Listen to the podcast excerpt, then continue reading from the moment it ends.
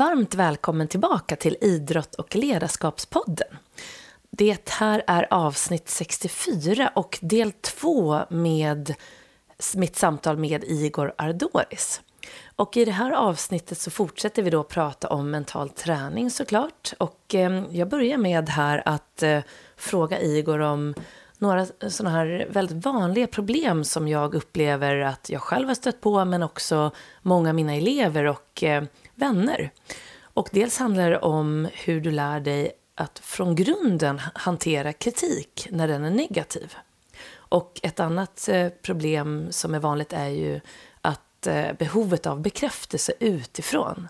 Så det är två områden som Igor då går ner på djupet med hur du kan lära dig hantera det här.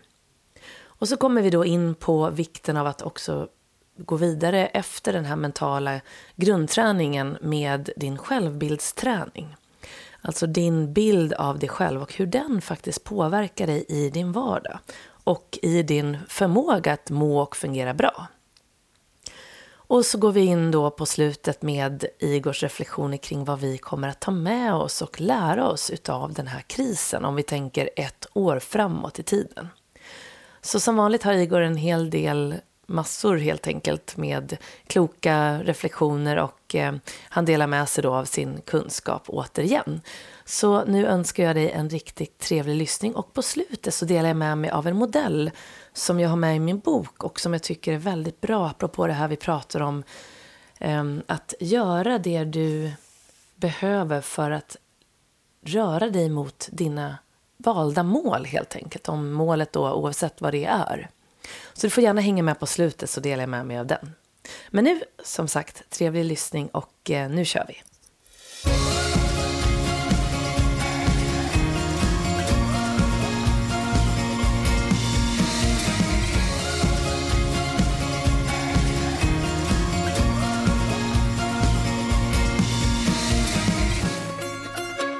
Men du, jag tänkte att jag skulle ta upp några eh, apropå det här vi är inne på nu, hur man tränar. Några sådana här som jag upplever är typiska problem skulle vi kunna säga då som, som olika människor kan ha. Och, både inom idrotten men också i, i sin vardag inom eh, jobb eller, eller i sina relationer. Och den första eh, delen eller den första frågan eller första problemet det handlar om hur du hanterar kritik på bästa sätt. Och här har jag två reflektioner. Det ena är Folkhälsomyndigheten i Sverige och några specifika personer där som har fått otroligt mycket negativ kritik. Framförallt från press och även säkert mycket i sociala medier. Ehm, och det andra är att jag vet att det här är en väldigt, väldigt vanlig, vanligt problem hos eh, Eh, eh, inom jobb. Att man får kritik och tar det väldigt personligt oavsett om det är från en, en medarbetare eller om det är från sin chef.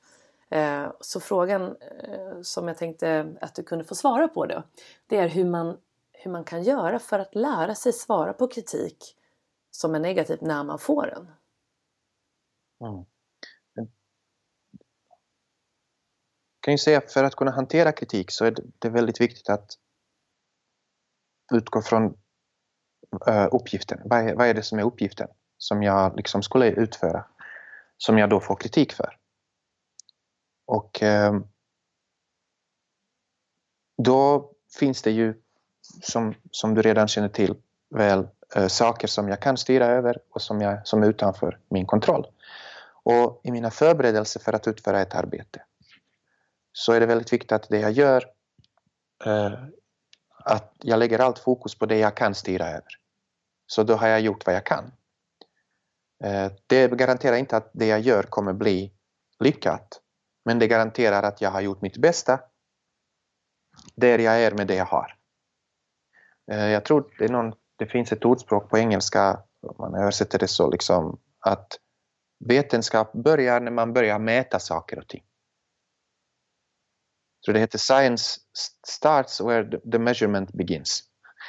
Så, så när man börjar mäta saker och ting och kunna jämföra konkreta eh, värde på det man mäter kan man sakligt följa någon sorts utveckling.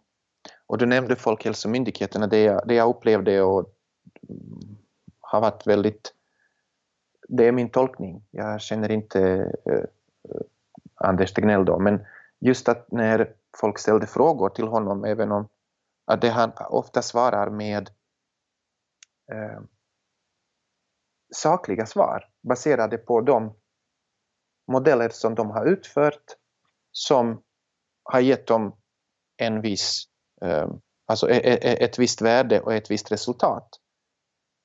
Och då, är det, och då slipper det bli personligt, utan det handlar om vad har blivit sagt? Vad skulle utföras? Vad har vi utfört? Vad var startpunkten? Vad, vad är målet? Hur långt har vi kommit? Så det, det, på det här sättet kan man hålla diskussionen saklig, både för sin egen skull, för att kunna följa sin utveckling utan att liksom låta sig eh, vilas bort i irrelevanta diskussioner. Precis, för att den som ger kritiken då genom då en kanske där skulle man ju kunna tolka in kanske i tonen hos den som ger kritiken mm. eller det finns väldigt mycket öppet för tolkning för att kunna ta något ja. personligt. Men så om man kunde neutralisera det och bara lyssna på vad frågan säger så att det blir behållare på en saklig nivå så att det att man inte då, skulle man kunna säga liksom att man inte lägger in känslor till det? Ja, man kan säga så här att vi har ju fokus och bortkoppling. Och när vi fokuserar på en aspekt av verkligheten så hamnar den delen i förgrunden och allt annat hamnar i bakgrunden. Så, ehm, så, så om jag i min professionella roll är fokuserad på den sakliga aspekten av mitt uppdrag. Så det betyder inte att mina känslor inte finns. Men det sakliga är i förgrunden. Det uppdragsrelevanta är i förgrunden. Och allt det andra låter jag hamna i bakgrunden. Eh, och, och då blir det som en sorts filter eller ett sätt att ta, närma sig situationen eller verkligheten. Och då, alla frågor som inte handlar om det sakliga eller kommentarer eller kritik behöver jag inte ens befatta mig med. Eh, om någon kritiserar hur ful klädstil jag har eller hur, eh, hur, hur, hur irriterande det är när jag svarar med, med, med en viss typ av svar. Mina svar är för korta eller för långa eller vad det nu är. Jag kan ta till mig, jag behöver svara längre. Men jag behöver inte ta till mig att de var irriterade. Utan bara information. Och det här kräver träning igen. Det här kräver träning och alla de andra bitarna vi nämnde innan.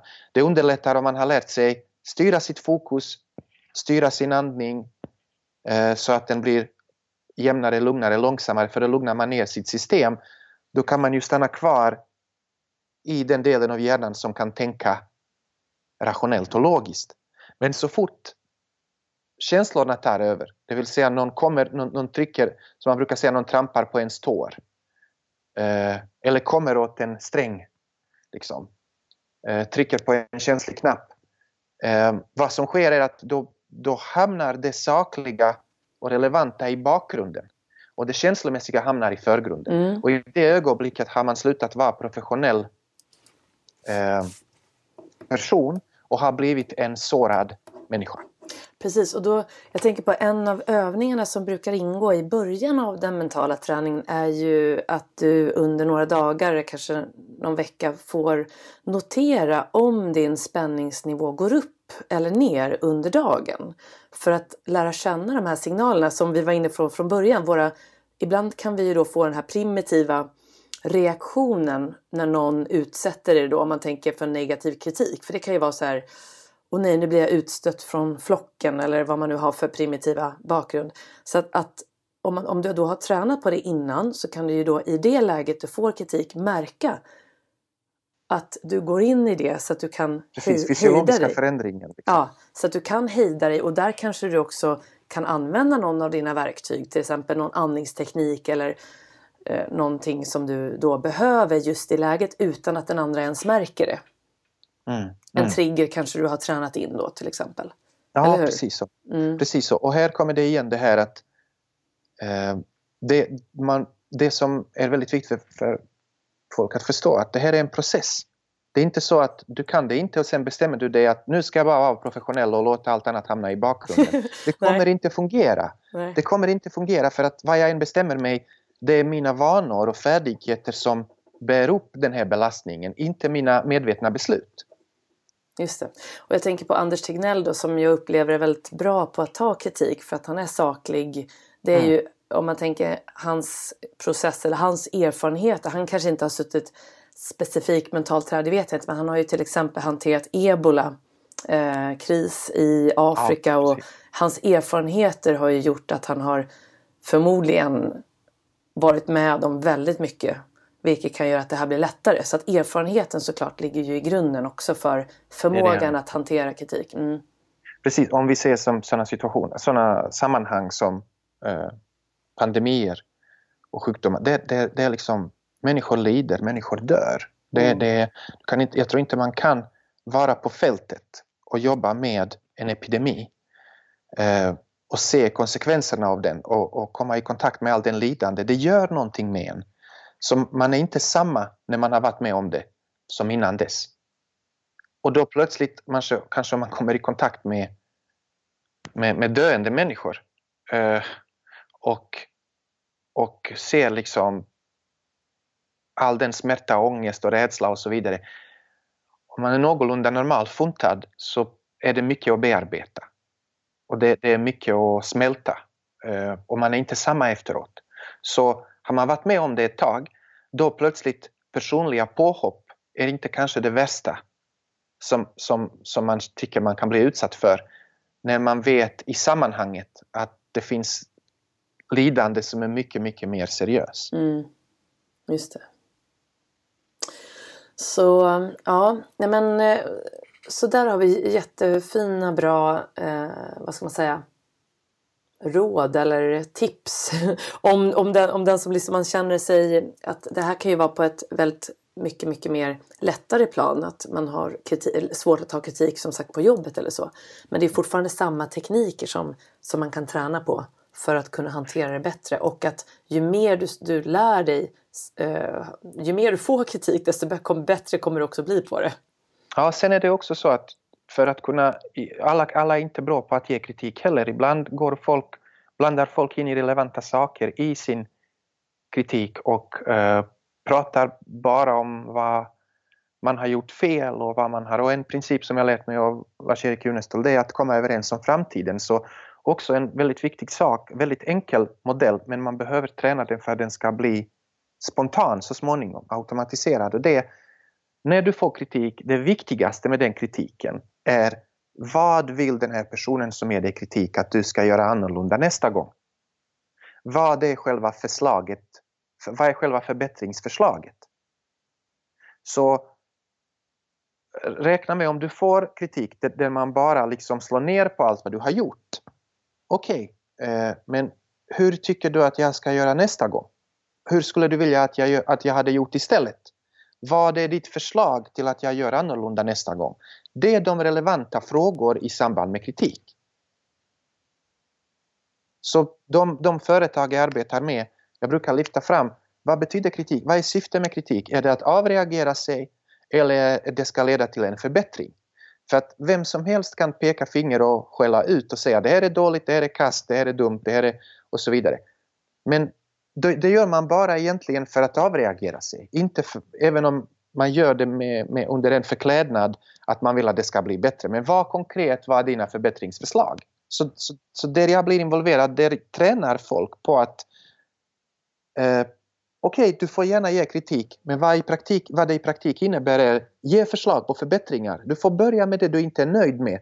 Men du har ett ansvar att avsluta med hur tycker du att man skulle gjort istället och vad är ditt förslag att man gör nästa gång?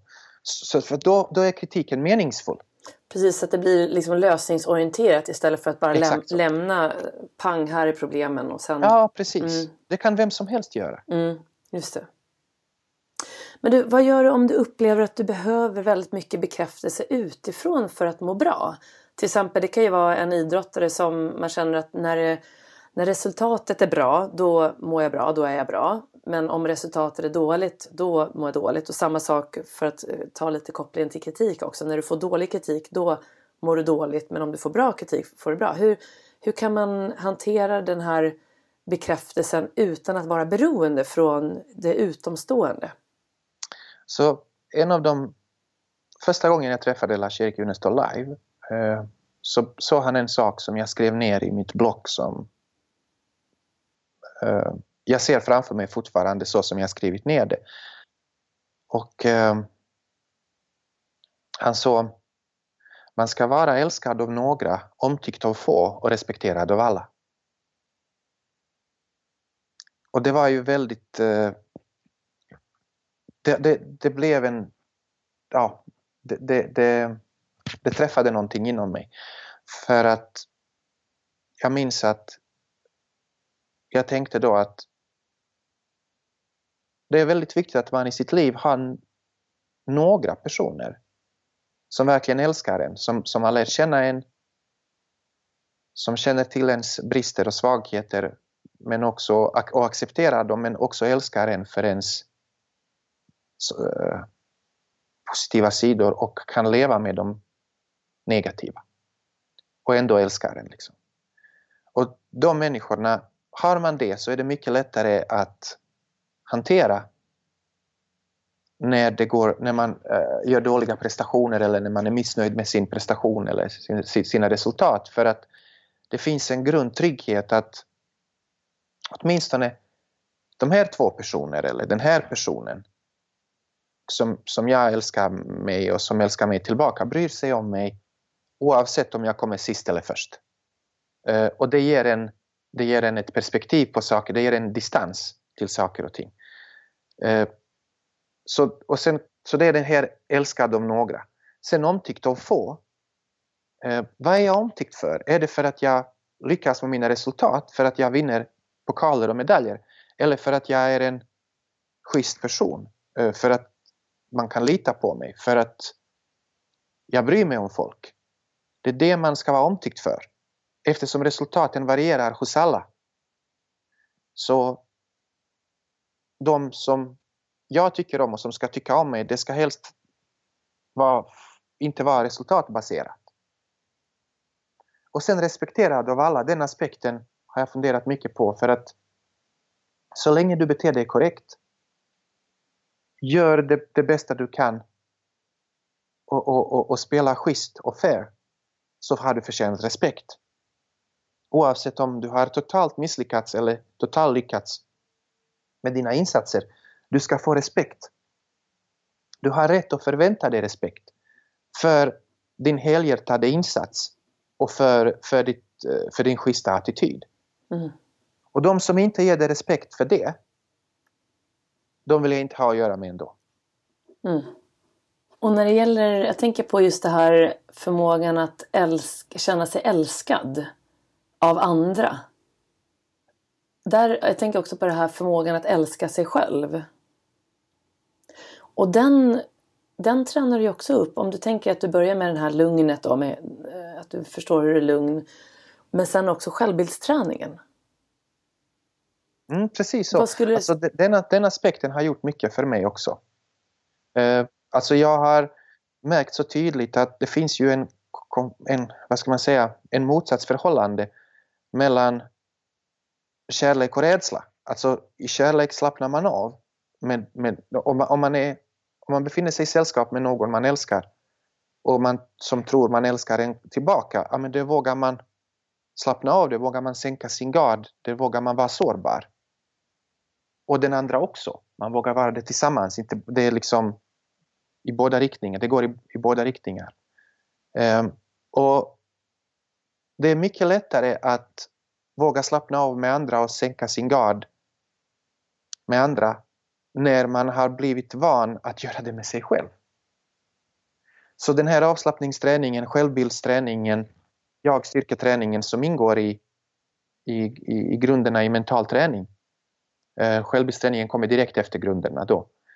Eh, är en, har, har gjort enormt stor nytta för mig för att som en förutsättning för att kunna våga visa mig, öppna mig med andra. Så det började, eller det, det, ble, det fick väldigt stor boost av att jag dagligen övar av att öppna mig med mig själv. Mm. Eh, för det är egentligen den svåra delen, enligt min erfarenhet. Mm. Jag håller med dig jättemycket. Jag tycker att jag själv förstod jag, jag har haft väldigt tur att ha många människor som älskar mig runt omkring mig. Men min förmåga att känna det i grunden. Så att jag kunde gå ut och vad ska man, framförallt när jag tävlade då och känna att det där stämde oavsett hur jag kom in och presterade. Det tog ganska lång tid för mig. Ja. Och, och det var faktiskt inte förrän jag fick kontakt med självbildsträningen i den mentala träningen som jag förstod hur låg eller hur svårt jag hade att ta in att andra människor verkligen kunde älska mig för den jag var. Mm. Mm. Och, och, jag har en, ett uttryck som jag eh, tog till mig av eh, en, en lärare som jag hade för länge sedan och hon, hon pratar om att det finns, eh, om man tar det på engelska, det finns love eller så finns det cry for love. Mm, mm, mm. istället för rädsla. Så att just det där att man kan ha kärlek runt sig men det är inte säkert att du riktigt känner det. Men att när du jobbar med grunden i din egen självbild så förstår du att någonstans så måste du lära dig att älska dig själv för dina brister och dina, eh, allt det goda du, du har innan du verkligen kan ta till dig andras kärlek. Ja, precis. Det, det, det, är ju där. Ja. Och när vi säger älska, då är det inte fråga om egoboost i det här fallet. Jag vet att du vet det, jag säger det mer för eh, lyssnarnas skull. Mm. Utan det handlar mer om att kunna komma i kontakt med sidor hos en själv som man helst hade velat slippa. Och kunna låta dem vara och ändå slappna av med dem. Mm. Eh, vilket är då en praktisk tillämpning av acceptans. För att någonstans när jag kan slappna av med mina brister som jag kommit i kontakt med, då kan jag börja ta ansvar för dem. Men så länge jag inte vill se dem eller jag hatar dem så jag trycker undan dem. Så antingen jag försöker ignorera dem eller jag aktivt eh, försöker slå ner på dem eller ta bort dem och inte vill kännas vid dem. Då fortsätter de styra mitt liv. Mm. Så om jag, om jag går runt med, jag vet inte, något mellan tänderna. Så länge jag inte vet om det så kan jag inte ta bort det. Det är först när, när, när jag, har liksom, när, någon har, när, när, jag har sett det i en spegel eller någon har berättat det för mig. Men i det här fallet, om vi ser man tränar mentalt själv. När jag sett det i en spegel, ja, men då kan jag göra ett val och säga okej, okay, men jag tar bort det här, herregud, det ser inte klokt ut. Nej. Och då är det jobbigt, eller hur? Det är pinsamt. Hur länge har jag gått så här? Eh, och sett så här ut. Gud vad pinsamt och, och så. Men det, jag kan börja ta bort det nu när jag sett det. Så på ett sätt är det obehagligt. Men om jag blundar för det så kommer jag fortsätta gå med det. Vidare. Just det. Jag måste bara flika in, det var så roligt för att på, på mitt jobb har vi blåbärssmoothie. Mm, just det. Så, så hade jag druckit en blåbärssmoothie och sen hade jag, ja, sen hade jag en klient och som kom och, och jag brukar sitta ungefär 90 minuter så och vi, ja, jag, jag känner klienten så vi hade pratat och jag hade skrattat och ja, sådär. Och sen när han hade gått och så gick jag in på toaletten så, oh. så liksom skrattade jag. Alltså herregud. Ja, jag hade ju så. blåbär ja, mellan nästan tre, fyra tänder. Så det såg ut ja. som att jag hade... Och han sa ingenting. Och jag bara, herregud han måste ha trott att jag jag vet inte var. Så, att, Nej, så att jag han fick inte jag fick ju... Han tyckte bara det var jobbigt att säga något. Exakt. Han. Ja, det var bara en liten parentes. Men precis som du säger, om vi tar ditt exempel. Det är jobbigt att säga något. Men om man verkligen bryr sig om någon så ja. säger man något. Även om det är jobbigt. Ja, exakt. Ja, herregud. Men du, eh, eh, jag tänker på ja, precis, att bekräftelse, att, att vara noga med att det handlar om dig själv hela tiden. Det är väl det vi återkommer till hela tiden, ditt egna ja. ansvar. Och att det går alltid att göra någonting åt det oavsett om man är en äldre person som kanske upplever att man har haft en dålig självbild hela livet. Och det går alltid att liksom, när man blir medveten om det så går det alltid att, så att säga, göra, göra någonting åt det om man vill. Ja, och om man, eh, framförallt om man lägger tid på att förbereda eh, jorden. Vi går tillbaka till grundträning. För att många vill, men det, men det som gör att man klarar av att göra det med, med ändrad självbildsträning, det är de här bitarna med att man har lärt sig slappna av fysiskt, lugna ner sitt nervsystem, slappna av mentalt, göra sinnet mottagligt för en annan typ av information. Det är där som kruxet sitter det är där som, så att många vill, men hoppar man på det här innan man har gjort alla förberedelser.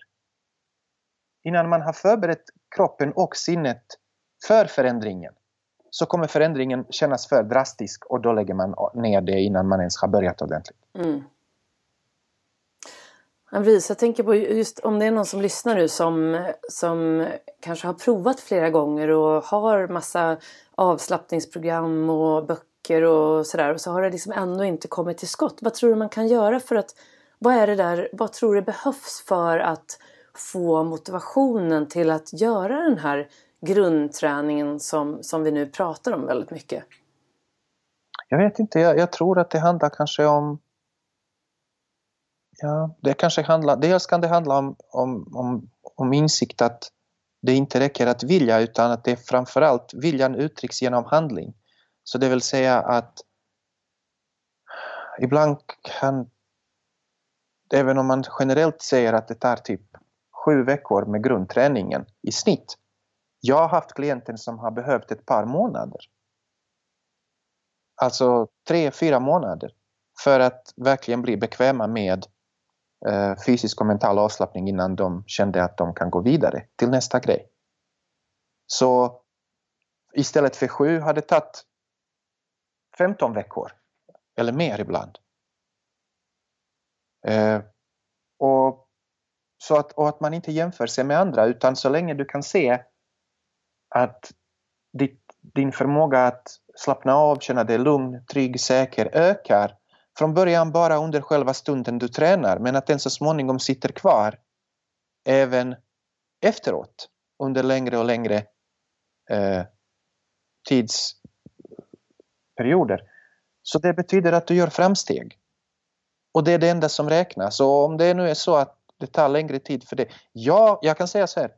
Jag, efter 15 år eh, av professionellt arbete och drygt 20 år av daglig mental träning så fortfarande tränar jag mentalt ett, eh, om vi tar en grund, grundträning. Jag går varje dag, åtminstone fem dagar i veckan. Mental, eh, fysisk avslappning 1 och mental avslappning 1 gör jag direkt efter varandra. Mm. Eh, fortfarande. Jag tror jag, jag tror jag har gjort det tusentals gånger. Mm. Men jag märker att det hjälper mig att liksom bli lugnare, ännu lugnare än, än jag var. Så, så, bara så man förstår det liksom. Det här är inte, ja. Nej men precis, och det är ju lite som, det blir ju som en, eh, inte för att det är lika som meditation, men just att man pratar väldigt mycket när man är inne på det området också om att det är den dagliga dosen som är ja, ja. den viktiga. Ja, precis så. Och, och att när man väl får in det som en rutin så är det inte jobbigt utan då kan man till och med börja längta till det. Ja, exakt. Det är en stund för mig själv. Mm. Och jag tänker på, för motivationen nu, det kan ju vara det här med varför man vill göra det. Säkerligen har de flesta någon form av bild av hur skönt det skulle kunna vara att ha lugn i sinnet, kunna känna att man kan hantera motgångar. Så att den där målbilden till varför man skulle vilja, den kan ju också ge energin i nuet för att orka med eller börja ta tag i ja. och, och, och lyssna på de här ljudfilerna då. Ja, absolut. Att man har klart syfte och sen också en sak som kan underlätta det är att, att man gör det tillsammans med någon. Eh, mm. och då menar jag om man har någon vän, god, god, nära vän eller familjemedlem eller så, så att man följs åt. Ungefär som när man gör med fysisk träning. Ibland hoppar man över något träningspass för sin egen skull. Ah, man orkar inte skönare och ah, jag gör det sen eller vad det är. Men har man avtalat tid att träna tillsammans med någon Eh, och ses klockan sex på gymmet eller på, i, i, vad heter det, i parken man ska springa en runda tillsammans eller gå eller vad det nu är. Ja, men då vill man inte svika. Det, det är svårare att svika en överenskommelse med någon annan än bara med en själv. Sen kan man också följas åt och upptäcka att det är inte så att det flyter på alltid för de andra heller. Man tror alltid, eller oftast att man själv är värst och sämst och alla andra fixar det hur lätt som helst och så. Men är man en, eh, ett par personer som, som tränar tillsammans, det betyder inte att de måste träna samtidigt, men som följer ett visst program och har kontakt om det, så kan man märka att även de andra har svackor eh, och, och, och, och flyt ibland och svackor ibland. Och det är samma för mig och då kan man hjälpas åt mm. och dra varandra lite mer. Just det. då när det gäller framtiden Igor, om du kunde se in i framtiden, vi låtsas att du kan det då, så säger vi ungefär ett år framåt i tiden. Vad tror du att vi kommer att ha lärt oss utav den här perioden? Ja, jag tror överlag att man blir eh, visare genom att upptäcka vad som fungerar under press och vad som faller bort väldigt fort. Um, innan det är det som är, det som är fördelar med svåra situationer, mm. även om ingen vill ha dem, eh, det är att jag hörde en, eh, för länge sedan en jättefin metafor om rörmokare när det är problem med, med rören och så innan man börjar, för att kunna åtgärda problemet måste man upptäcka problemet. Och för att upptäcka, upptäcka var problemet äh, sitter så äh, vrider man upp trycket i rören. Och när trycket ökar så visar det sig var det läcker. Och på samma sätt, när det är eh, utmaningar och kriser så blir det väldigt tydligt vad som är värt vad som, dels vad som är väsentligt att bevara, vad man har mest nytta av att satsa på, vad, vad som mest bidrar till ens överlevnad och välbefinnande. Och det är de saker som är värda, som man har nytta av när det är, eh, när det är knas, när det är tufft. Det är de som man ska satsa på även när det inte är tufft, enligt mm. min eh, vad ska man säga, livsfilosofi. Eh, och när jag säger min, då menar jag inte att jag har uppfunnit det utan mer någonting som känns naturligt för mig eh, och självklart. Eh, och det här då betyder i praktiken att eh, bara för att det liksom flyter på, när, när det flyter på, att man inte blir vårdslös och eh, och eh, lever som att det alltid kommer flyta på utan att man snarare även i, i goda perioder håller sig på en nivå som, som, om, det inte, som om det inte är alltid jättebra vilket gör att man, att man slipper eh, göra så stora omställningar. Just det. Brukar, just det här att hoppas på det bästa men att planera för det värsta jag har beredskap för det värsta och oftast i, i, i praktiken eh,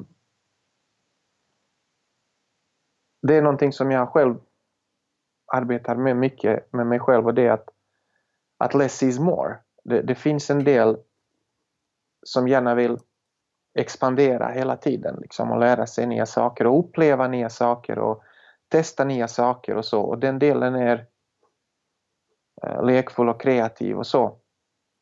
Och det är jättebra. Samtidigt eh, har jag en annan sida som behöver ha en viss grund som är säker så att man inte flyter ut i rymden liksom, och, och, och förlorar någon sorts förankring.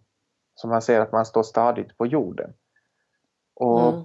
Det är den den balansen mellan de här två aspekter av, av ens personlighet eh, som, som, som jag kämpar med. För att blir det, blir det bara att man tänker på att uh, leva typ för överlevnad så blir livet inte roligt. Uh, utan det blir väldigt, enligt min upplevelse, ja, lite andefattigt. Liksom. Och det, det, det, blir inte mycket utrymme för lekfullhet eller testa saker eller ja, ta kalkylerade risker. Men å andra sidan, om man bara kör eh, utan någon sorts hänsyn till, till att vara eh, ha en säkerhet ifall saker och ting inte utvecklas som man hade tänkt sig, att inte allting rasar. Så att det finns ändå en viss försiktighet. Eh, om man inte tar hänsyn till det så kan man verkligen ställa till det för sig själv och andra. Mm. Så precis, så om man har en plan för eh, beredskap om det skulle vara så, det behöver ju inte vara en kris, det kan ju vara en personlig kris som gör att ekonomin inte fungerar till exempel. Om man då har planerat för det tidigare så kan man ju i nuet, även om inte det har hänt, så att säga, känna ett lugn. Ja, ja precis. Så att du inte blir stressad av att, för att det jag tänker på är att Eh, om man, det finns ju precis som du säger de som går och tänker på men tänk om det händer, tänk om det händer och då blir det liksom en stress i nuet för att de hela tiden tänker på att planera för det värsta. Så att, att kunna göra det men att släppa taget om det och sen vara i nuet och också man ska säga, count your blessings eller liksom ja. verkligen njuta av det som är bra i nuet och inte gå och vara orolig för tänk när det här ska ta slut liksom. Ja, det, ja precis. Och jag tror att det, det är väl det som man... Eh, vill säga till Japan igen, men det finns ett begrepp som min tränare brukade ofta säga då. Eh, eh, eh, Tenjin Chi, vilket står då för himmel, människa och jord. Och människan då som står på två ben och upprätt. Så hon är i kontakt med både himmel och jord. Eh, djuren som går på alla fyra, de är väldigt eh, grundade. För att deras fokus är på, på jorden och på allt som har med eh, överlevnad att göra. Så nosen är nära marken och eh, ögonen är vända framåt eller neråt för att hitta mat och näring. Eh, så tittar de framåt eller neråt där de kan upptäcka beroende på om de är eh, vegetarianer eller köttätare, men de upptäcker föda. Men människan har rest sig på, på, på bakbenen och står upprätt och därför kan också lyfta blicken helt uppåt och se stjärnorna. Och om man bara fastnar i stjärnorna så förlorar man förutsättningar eller förminskar man eh, förutsättningar för sin fysiska överlevnad. Man kan bli väldigt opraktisk, alldeles för idealistisk och eh, ansvarslös också. Eh, men om man också enbart fokuserar på, på fysisk överlevnad som att det inte finns några stjärnor och som om det bara handlar om, om att kroppen ska klara sig en dag till och få föda för en dag till så har man också gjort avkall på de alltså på, sin, på stora delar av sin mänsklighet på det som gör oss till människor och har reducerat sig själv till bara till, till ett däggdjur. Som vi också är, men, men, men vi, är, vi har mer kapacitet än bara operera på fungerar på den enbart den primitiva nivån. Så jag tror det är det som är många gånger utmaningen för oss alla.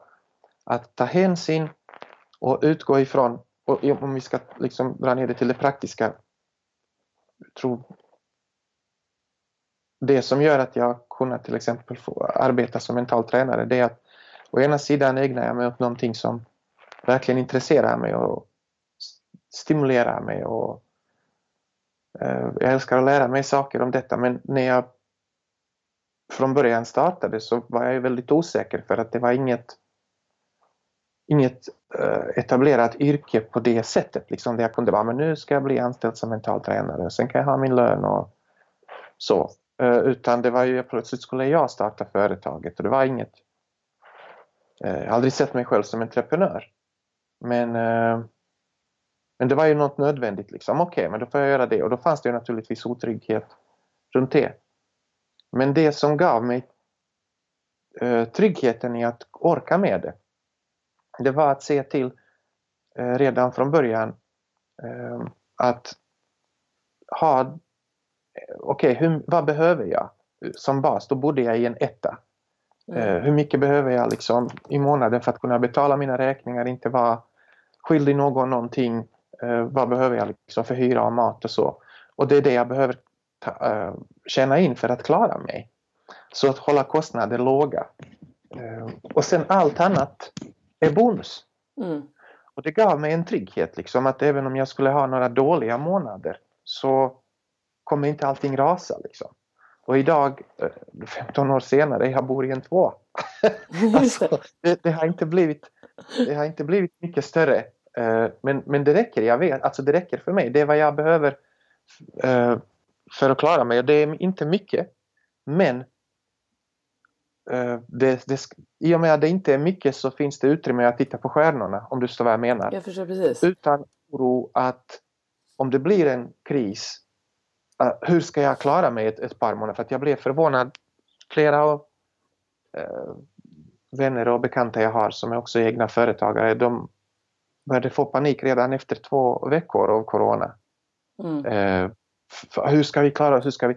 Och allihopa eh, bor i ja, flera miljoners hus och kör bilar som är liksom ja, väldigt påkostade och jag har alltid sett det som att klart att det är så, jag är ingen entreprenör, de är det, så de är ju bättre på det där. jag har alltid sett som att, ja ja, men det, det, det är väl grattis liksom. Så. Ja. Och jag önskar att jag var eh, vassare på det här med uh, att tjäna pengar men det gör inget. Jag, får väl, jag, jag jobbar med det jag älskar så det, det är jag tacksam för. Ja. Men jag trodde att de gör som jag fast de är mycket vassare på det. Liksom. Mm. Och sen blev det verkligen en, en, en överraskning när eh, så fort krisen kom att de har ju liksom bara kört. Utan att tänka på kommer det här hålla om det är kris. Mm. Tror du att vi kommer att lä lära oss att, om man nu ska eh, säga det lite, kanske lite generaliserat, men att vi kommer att lära oss att lyckan inte består i de yttre sakerna utan att vi faktiskt för det här välmåendet och hållbarheten så måste vi våga vända blicken inåt och då kommer vi också klara kriser bättre framåt när vi har en star starkare inre muskler. För att det gör att vi också kan hitta, eh, fatta bra beslut i nuet om framtiden. Ja, ja, ja, ja, jag, jag, tror, jag tror det. Jag tror att som sagt när man vrider upp trycket i rören så blir det tydligt både vad det läcker och vad det inte får läcka, vad det är viktigt att det ska hålla. För att saker och ting ska fungera och det, det är också vi har ju, det här är ju det som är intressant med pandemier då, det är ju att det är en global kris. Eh, men människor går igenom kriser som vi pratade om innan. Alltså kriser i relationen, kriser i i hälsan, liksom, personliga kriser. Och det är jättejobbigt. Men om man klarar sig att gå igenom det så det här jobbiga också bränner bort väldigt mycket dödkött. Allt det där som man kanske har fokuserat på eller värderat väldigt högt. Och sen har det visat sig att det inte var nödvändigt för att man ska klara sig. Så vad kriser gör, det, de... Alltså jag, jag vill helst slippa dem. Men om man då inte kan så en, en positiv aspekt av det, även om man gör allt för att undvika, en positiv aspekt av det är att när man har tagit sig igenom det så kriser har en förmåga att tydligt påvisa vad är viktigt att vara rädd om och vad är egentligen inte så viktigt. Liksom. Mm. Man lär sig täppa till där det verkligen behövs täppa till om jag ska ja, hänvisa exakt. till rören. Ja, ja precis, så. Man, precis så. Man lär sig liksom prioritera förstå vad som är viktigt i livet och prioritera det även efter att krisen är borta. Till exempel det här med vänner och, och bekanta och så. Man kan ju ha väldigt, väldigt många bekanta och så vidare men om man är i kris, det är inte enligt min erfarenhet och de uh, och, och andra som jag får ta del av och kanske är det 5% av alla ens bekantskaper som hälsar på en när man är allvarligt sjuk eller eh, som hjälper en när man har någon sorts problem med ekonomi eller vad det nu är. Och om man har tagit sig igenom den krisen så för mig är det i alla fall tydligt att jag ska omprioritera min tid. Vilka vill jag umgås mer med och fördjupa relationen? Ja, men det är ju de som fanns där när det var tufft. Och, och vilka bryr jag mig faktiskt inte så mycket om. Eh, det är ju de som inte brydde sig om mig heller när, när jag behövde hjälp. Och jag tänker på samma sätt på samhällsnivå. Vi kan ju se till exempel nu hur viktigt det är med, med vården, eh, med, med välfungerande vård, både i vad som händer i, alltså hur, vad, som, vad som sker i Sverige och vad som sker eh, utomlands. Hur viktigt det är med välfungerande infrastruktur, hur viktigt det är med att skolan och förskolan fungerar. Alltså allt det här som inte, när allting flyter på, de här yrken som man tar lite mer för givna. Sjuksköterska, undersköterska, förskollärare, eh, grundskolelärare och det är ju folk som bär upp samhället. Också alla busschaufförer, alla eh, vad heter det, eh, lokförare, alltså mm, sophämtare och sophämtare. Mm. Vad glad jag är att du säger det. Mm. Jag tänkte faktiskt nämna det. Tänk om bara de inte gjorde sin grej en Nej, vecka. Precis. Vad skulle hänt med oss allihopa? Mm. Det hade varit otädligt. Mm. Om, om, om sophämtare inte gjorde sin del, mm. liksom under ja, ett par veckor säger vi. Mm. Och, och, och vilken äh, grund för sjukdomar det hade blivit mm. dessutom. Men du vet, det, det är ingen i vardagen som går runt och är tacksam till sophämtare eller busschaufförer eller vad det nu är. Men nu är det faktiskt folk som fortsätter ändå riskera sin hälsa. Men det är för, för att, jag, om jag jämför samhället med en kropp, för att liksom blodet ska strömma igenom, för att det ska bli, för att livet och rörelse hänger ihop. Mm. Och skulle de här människorna avstanna, bara en sån sak om eh, eh grundskolan och, och för, förskolan hade slutat fungera och de här människorna också riskerar sin hälsa för att inte prata om som sagt sjuksköterskor, under, undersköterskor och så vidare. Mm. Eh, då, då hade liksom, men vårdpersonal hade inte kunnat vara på jobbet om de måste passa sina barn. Mm. Nej, precis. Men när allting fungerar, det är inte de coolaste yrken, tycker man. Nej. Det, det, det, jag hoppas att det blir bönderna också. Ja. Liksom att vara självförsörjande. Att, att liksom inte vara beroende av, av import för att vi ska ha det nödvändiga. Just det, precis. Jag hörde en, precis förr i tiden, alltså för ganska, jag tror att det var på 80-talet eller 90-talet, då hade ju vi en försörjning som skulle hålla i ett år för Sveriges mm. befolkning när man var rädd för Ryssland och under kalla kriget och sådär. Men det har vi ju inte längre. Nej. Man har liksom ja, prioriterat bort det av olika anledningar. Men det kan ju också vara någonting som, precis som du säger, allt det här, de här yrkena kanske kommer bli ännu coolare så att det blir fler som också vill söka till de här vårdyrkena istället för att lämna vården som det var tidigare. Så länge man kan då belöna dem enligt det de behöver, enligt, enligt till den viktighet de faktiskt har. Ja, det är, det, exakt, det är exakt det jag menar. Mm. Det är mm. precis det att jag menar, när det osar katt så, så visar det sig vilka är väldigt, väldigt viktiga för samhället, vilket man lätt glömmer bort. Mm. Uh, och ja, det är och jag hoppas bara att folk kommer ihåg det och så att de här yrkesgrupperna får både lön och status som de förtjänar. Och du vet, nu, nu känner jag mig lite orättvist att jag inte har nämnt brandkåren, att jag inte har nämnt polisen, att jag inte har nämnt liksom alla de här samhällsbärande yrken som, som, som vi skulle inte klara oss långt liksom om de inte dagligen gör sin, sin grej. Men nu när det är kris så fattar man hur viktiga de är. Och jag hoppas bara att man kommer ihåg det även efteråt. Ja, ja det hoppas jag med. Det är ju det, att vi, det här apropå vad vi lär oss av kriser.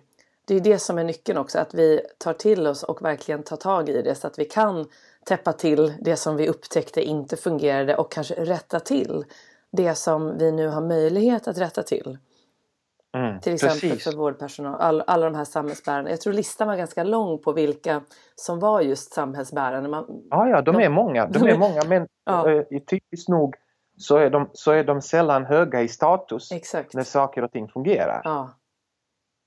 Det är det som är liksom det är det som är det väsentliga och jag tror att det är synd men generellt verkar vi människor funka så att det är först när, när, när det är kris som man fattar lite grann vad som verkligen är viktigt och vad som är bonus. Vad som är liksom brödet och vad som är grädde på mm. ja, Det är det som är, man vill ju inte hamna i en kris men när man väl kommer förbi den och ur den så är det ju väldigt, alltså nästan i alla fall oavsett den eh, nivå av kris man har så säger de flesta att det har varit någonting som har lett till någonting positivt. Ja, ja, ja absolut. Det, mm. det, det tvingar oss att växa. Mm. Eller det tvingar oss mm. att skärpa oss, vilket mm. gör att vi växer. Mm. Så, så, kan man säga. Men, ja. ja, förlåt. Säger du? Nej, förlåt. Nej, jag bara tänkte på det här, apropå den här balansen, att kunna känna lugn om man nu råkar hamna i den här oron för framtiden och eh, fundera på vad som ska hända. Att man märker det, att man kan då gå tillbaka till till exempel någon av de här avslappningsträningarna inom, som vi har pratat om idag för att landa och komma ihåg att det jag kan påverka det är det jag har här och nu. Och eh, liksom, oavsett vad som händer sen så kommer jag att kunna hantera det. Men jag kommer också att, det kommer också leda till någonting positivt. Men att liksom landa i nuet, i lugnet. Om och om mm. igen för att påminna mm. sig om det då. Mm. Ja visst. Och också eh, plan, alltså planera eller kanske ordna upp sin vardag på ett sätt som är lite mer hållbar så att det slipper bli så stora omställningar om det är kris och inte kris. Alltså jag, det är det jag menar med att träna, att träna för tio, att jag, att jag i min vardag har en, en, en viss grund som jag kan falla tillbaka på eller luta mig mot om krisen kommer. Eh, och grunden, jag ska ta ett konkret exempel. Eh, se till att, att jag kan hjärt-lungräddning och första hjälpen och, och, och hålla det liksom igång. Och jag menar alla håller med att det är en bra grej att kunna men jag hinner inte nu, jag tar det nästa månad eller nästa år och repeterar och så vidare. Så man behöver det inte tills man behöver det. Och då behöver det sitta. Och det är det jag menar med träna för tio. Vi hade för något år sedan, det var två år sedan, de här stora bränderna i Sverige så typ, det var väl brandkåren från Polen som kom och hjälpte till och eh, och då sa man, det är ju lite som med pandemin, men vi har ju inte haft sådana här bränder på 200 år i Sverige eller något sånt. Liksom. Och om man tänker då när man ska planera budgeten, så, som jag förstått och fått förklarat för mig, eh, så tittar man, okej okay, hur mycket pengar skulle, behöver vi liksom öronmärka ifall det händer någon sorts eh, katastrofsituation som då att det börjar brinna och det sprider sig och så vidare. Eh, och så tänker man okej, okay, fast hur stor sannolikhet är det att det här händer? Ja, men det har väl inte hänt på 150 år eller på 100 år eller på 200 år eller så. Ja, men för att om jag lägger de pengarna undan, ja, då, är det mindre pengar någon annanstans. Eh, och sen om det inte har brunnit, då har jag kanske inte liksom utnyttjat min budget som bäst. Om du känner till eh, Nassim Taleb. Eh, han har skrivit, eh, han är, eh, ska man, han är riskanalytikern han har skrivit eh, bland annat en, eh, han myntade begreppet eh, svart svan. Det han menar då att alltså, hela världen trodde att det finns bara vita svanar tills man kom till Australien och så plötsligt upptäcker man att det finns svarta. Och, från, och trots att alla hela tiden sa att det, det, det, finns bara vita svanar, det är ingen som ifrågasätter det. Tills det dyker upp en svart och det, det omkullkastar allting. Och han pratar liksom mycket om till exempel Wimbledon är inställt för första gången, du vet stora tennisturneringen. Ja. Det är inställt för första gången sedan andra världskriget, ja. Wimbledon, ja. på grund av uh, corona. Men Wimbledon har till skillnad från många andra, uh, jag tror för 17 år sedan, Ja, i samband med för, SARS. Förlåt. Ja. Ja, ja, var SARS? Ja, det var för 17 år sedan. Det. Precis. Ja, kan det vara det? Ja, det stämmer nog. De har försäkrat sig mot pandemier. Så de har betalat eh, jag tror 34 miljoner pund genom åren i försäkring. Eh, Franska öppna hade ingen försäkring. Så de sparade in de 34 miljoner pund. Men nu hotas de av konkurs. Medan Wimbledon kommer få en check från sitt försäkringsbolag på 100 och, och, och mellan 100 och 200 miljoner pund. Så de har, du, du fattar vad jag menar. Det kostar tills det lönar sig. Mm. och då menar jag inte försäkring i sig, eh, som att göra någon reklam för försäkringsbolag. ja. Jag menar att försäkring i det här fallet är att lära sig första hjälpen också. Ja. Så det är mer idén, inte själva men det är, en väl, försäkran. det är en väldigt bra förklaring just. Eh, tänk dig dem då, liksom, när de kanske tecknade den här pandemiförsäkringen Wimbledon. Det var nog ganska mm. många som tyckte liksom, ska vi verkligen göra det här? Det är ganska dyrt. Ja, exakt. Och, men sen nu då, alla som, nu kan de verkligen känna att herregud vilken tur att vi gjorde det. Mm.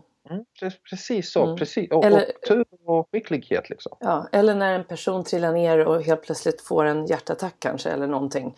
Helt plötsligt mm. kan du använda den där HLR för att du har tränat ja, och hållit regler och då räddar du ett liv.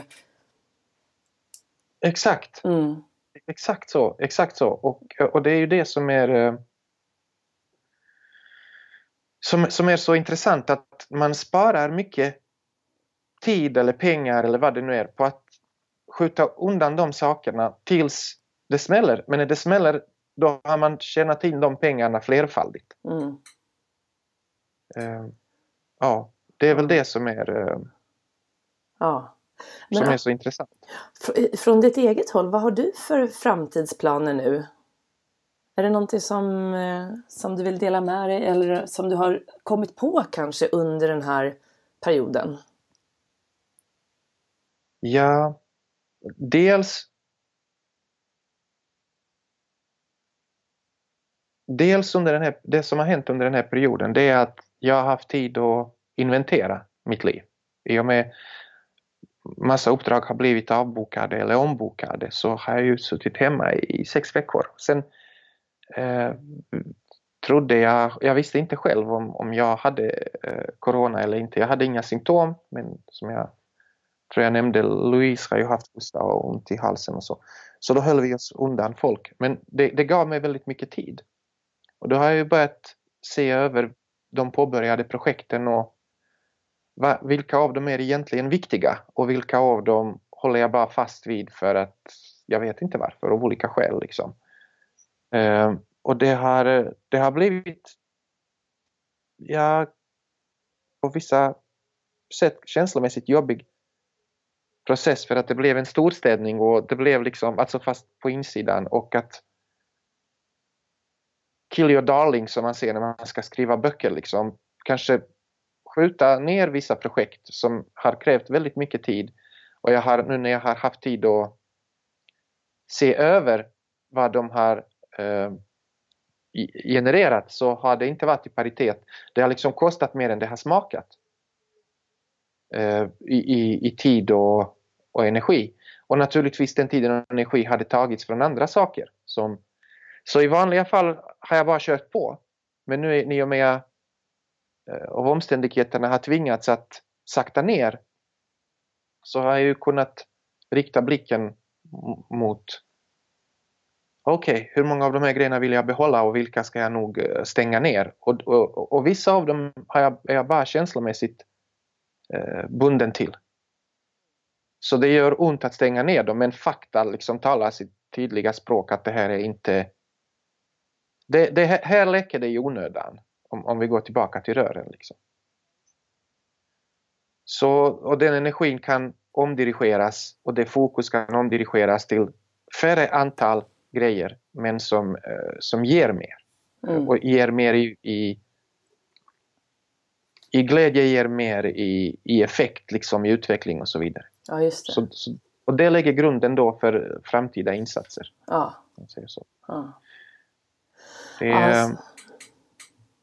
Förlåt, säger du? Nej, jag bara tycker det är så himla spännande att prata med dig. Jag tror att vi skulle kunna fortsätta hur länge som helst på många ämnen. Men jag tänkte sådär liksom om vi skulle sammanfatta, eller om du skulle få sammanfatta det vi har pratat om. Ehm, jag brukar avsluta med att fråga om du fick välja tre saker att säga till den som lyssnar. Och i det här fallet då om vad man kan göra för att öka eller bygga då sin mentala styrka för att fungera och må bra i nuet? Vad skulle du säga då? Eh, det första jag skulle säga kanske, eh, eller som jag tänker på, det är att att utgå ifrån och faktiskt, det, som du vet, jag är ju inspirerad av samurajer och eh, dödligheten, en sårbarheten och dödligheten är någonting som samurajerna dagligen påminde sig om. De var inte ensamma om det. I, i, gamla Rom, antiska Rom, så, antika Rom så pratade man också om memento mori. Eh, det fanns carpe diem, det gillar de flesta fånga dagen. Mm. Men andra halvan av carpe diem, är, eller andra aspekten då är memento mori. Påminn dig, va, uh, minns att du är dödlig. Minns, minns att, kom ihåg att du kommer dö. Vilket ger kraften till att fånga dagen och incitamentet och motivationen. För att skulle jag leva i 800 år, liksom, men då är det inte så viktigt om jag slösar bort några dagar. Men för mig har det här varit en väldigt stark drivkraft och fortfarande är.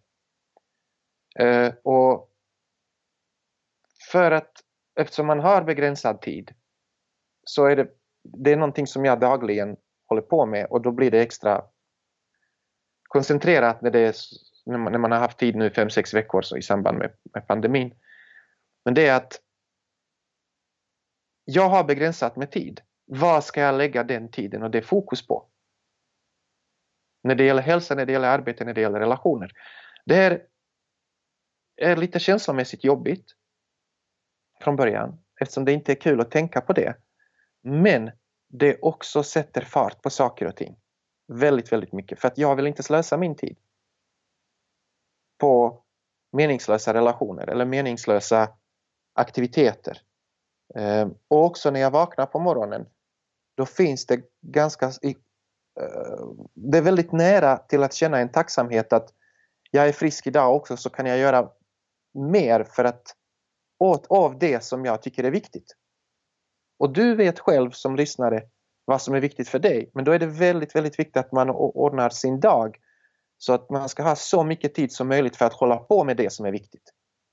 För att den dagen när man inte kan det längre så det som ska göra att det känns någorlunda okej okay är att jag har inte slösat bort min tid. Med andra ord, jag har inte slösat bort mitt liv.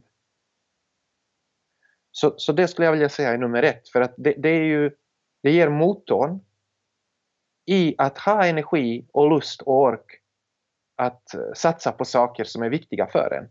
Eftersom man vet att man, man, man kanske inte får nästa chans. Så det, det, är det första skulle jag vilja säga, för att då lär man sig också uppskatta livet och uppskatta tiden. Eh, just på grund av att det är ändligt och begränsat. Nummer två är att det här ger en mod eh, att också kämpa för det som är viktigt för en. För att alternativ, även om det finns rädsla att misslyckas och att bli ledsen om man har satsat på något som är viktigt för en. Eh, och, och, det finns ju såklart hela tiden risk att det inte blir som man tänkt sig, att man misslyckas och, och, och så vidare.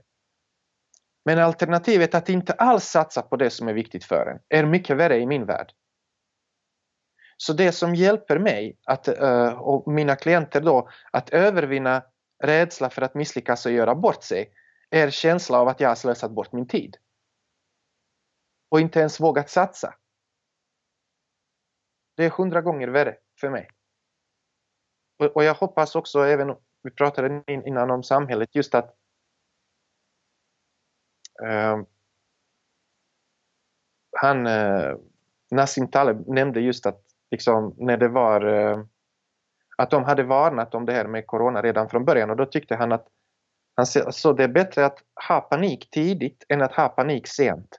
Så att göra rätt i den här typen av situationer är politiskt dyrt. Säg att du stängde ditt lands gränser och sen hände inget. Ja, då kommer man anklagas för åtgärder som kostade ekonomin dyrt. Då, men då såg han en mening som jag fastnade för att politiker gör inte vad som är rätt utan de gör det som riskerar att ge dem minst kritik efteråt. Och om man då tänker i privatlivet på samma sätt, alltså jag vill bara göra saker som, som, som leder till att jag får minst kritik efteråt. Det är ett fantastiskt bra recept för ett frustrerande liv. För att jag gör allt för att undvika kritik. Och jag kommer ändå dö. Liksom, så det enda jag har gjort är att jag har undvikit kritik i mitt liv. Och sen tredje skulle jag vilja säga är att när man förstår hur, alltså det är ganska att det är utmanande att, att vara människa och, och bli medveten om sin egen sårbarhet. Både fysiskt och emotionellt. Eh, då börjar man också kan man också börja lämna andra i fred och uppmuntra att hjälpa till det man kan till dem som för att andra ska satsa på det som är viktigt för dem. Eh, och annars ägna sig åt sitt eget. Och då automatiskt, så fort man ägnar sig åt sitt eget liksom, och är villig att hjälpa andra så har man verkligen börjat leva ett konstruktivt liv. Mm. Så satsa på ditt eget och hjälp till om du kan, annars lämna folk i fred. Liksom. Låt, dem, låt dem göra sitt så länge de inte gör någon skada. Så fokusera på ditt eget. Liksom. Och mm. Jag skulle vilja säga att det är lite motsatsen till informationssamhälle. Där vi lägger väldigt, väldigt mycket tid på att ha åsikter om andras grejer. Men det man inte förstår är att man betalar högt pris för detta. För att medans jag har åsikter om andras grejer så den tiden som jag har åsikter kunde jag investera i att göra något som är viktigt för mig själv. Mm. Ja, det där sista och alla de här tre punkterna är fantastiska. Jag satt och skrev ner här alla. Um, och... Aha, därför var du så tyst. Jag trodde att jag dödat dig med snacket. Just det, precis. Jag vill inte avbryta dig för du säger så bra saker hela tiden och jag blir väldigt engagerad så ibland kommer jag in och liksom avbryter. Men det var verkligen sådär tydlig, tydliga tre steg som jag verkligen tror är, om man kan få in det här, alltså vilken fantastisk eh, ledstjärna liksom i sitt eget liv oavsett vart man behöver använda det så att säga. Um, ja. Du eh, Igor, just det här, jag tycker att det sammanfattar också väldigt mycket av det vi, vi pratade om under hela eh, det här avsnittet som nu då kommer bli två avsnitt. um, så det blir jättebra.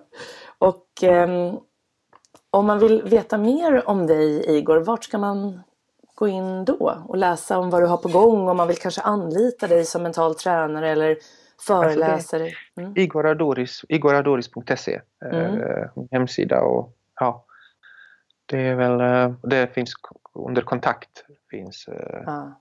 Och du jobbar ju både i Sverige och även i Europa i vanliga fall, eller hur? Ja, ja, ja. Mm. i vanliga fall. vi får... nu får du, vi får köra ännu mer av den här online-träningen nu så man kan se dig även utomlands ifrån ja, fortsatt. Ja, nu, nu, är det, nu är förflyttningar mest mellan vardagsrummet, sovrummet. Precis, man har semester i vardagsrummet och ja, exakt. retreatet i sovrummet. sovrummet.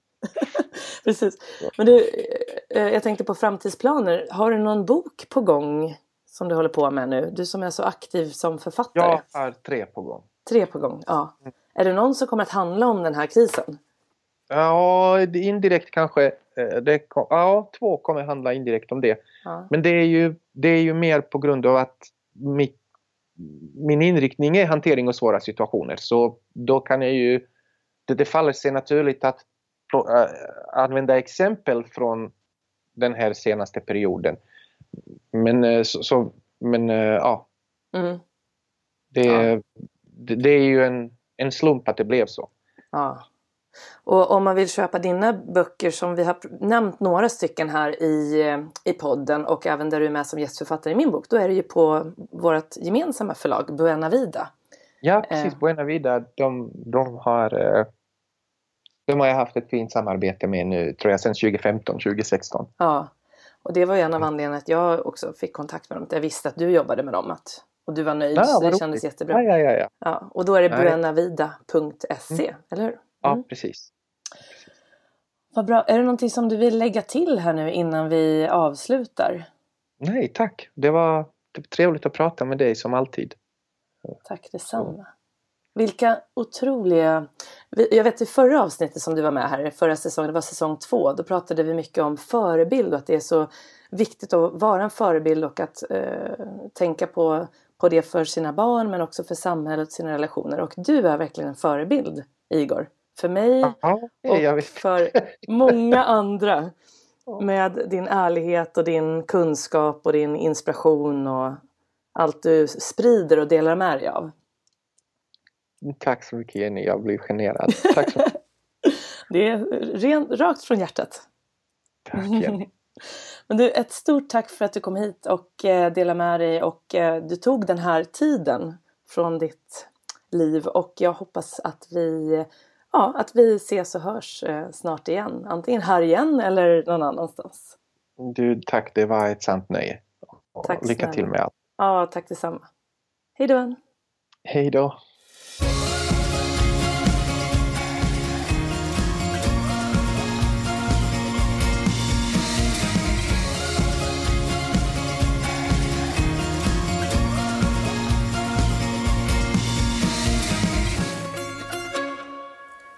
Då har du fått lyssna till den andra delen med Igor Ardors och nu hoppas jag att du har fått med dig en hel del inspiration och kunskap och eh, en hel del som sagt verktyg och tankar för att ta in just den här mentala träningen in i din egen vardag. Och som jag lovade här på slutet så tänkte jag dela med mig av en modell som jag då har lärt mig av Lars-Erik Unestål och som finns med i min bok Stolt, stark och säker. En bok om helhetsträning för golfare på sidan 211. Och den tillhör det här målbildsträningen.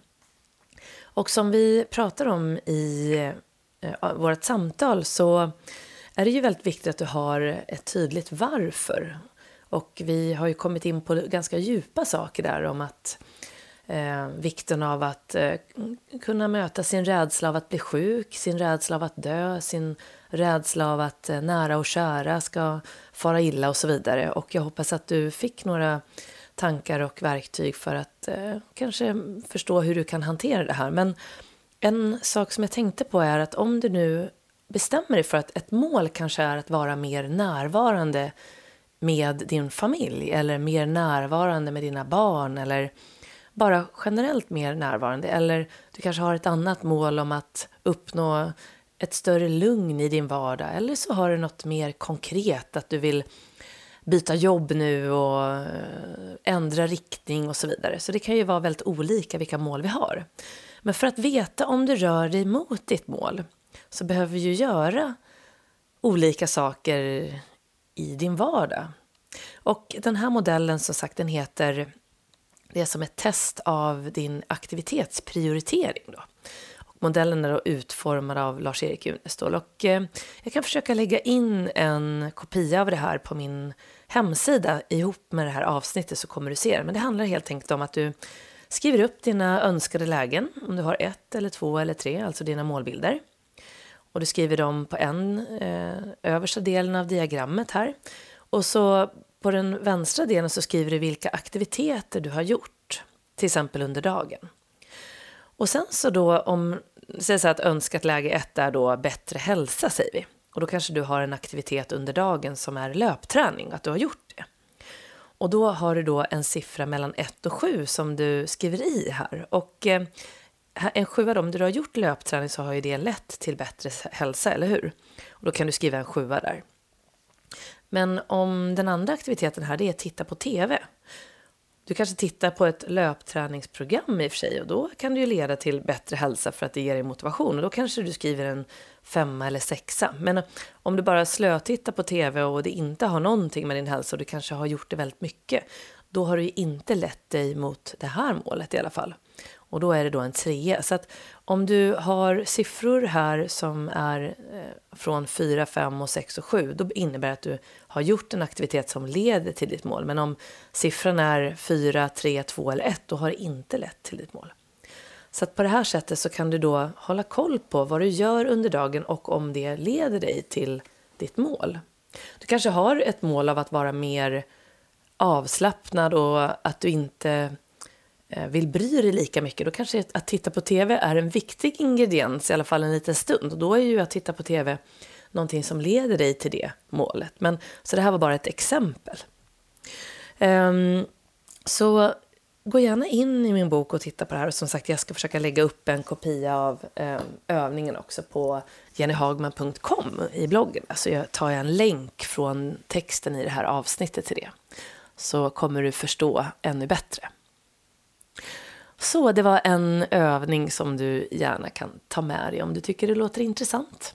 Och med det sagt då så vill jag nu önska dig en fortsatt trevlig dag eller kväll och eh, det här var den sista gästen för säsong 8 och eh, jag kommer själv att göra ett till avsnitt för säsong 8 och det kommer eh, inom kort. Så håll utkik på Idrott och ledarskapspodden efter det. Men till dess, som sagt, ta hand om dig så ses vi snart igen. Hej då! Thank you.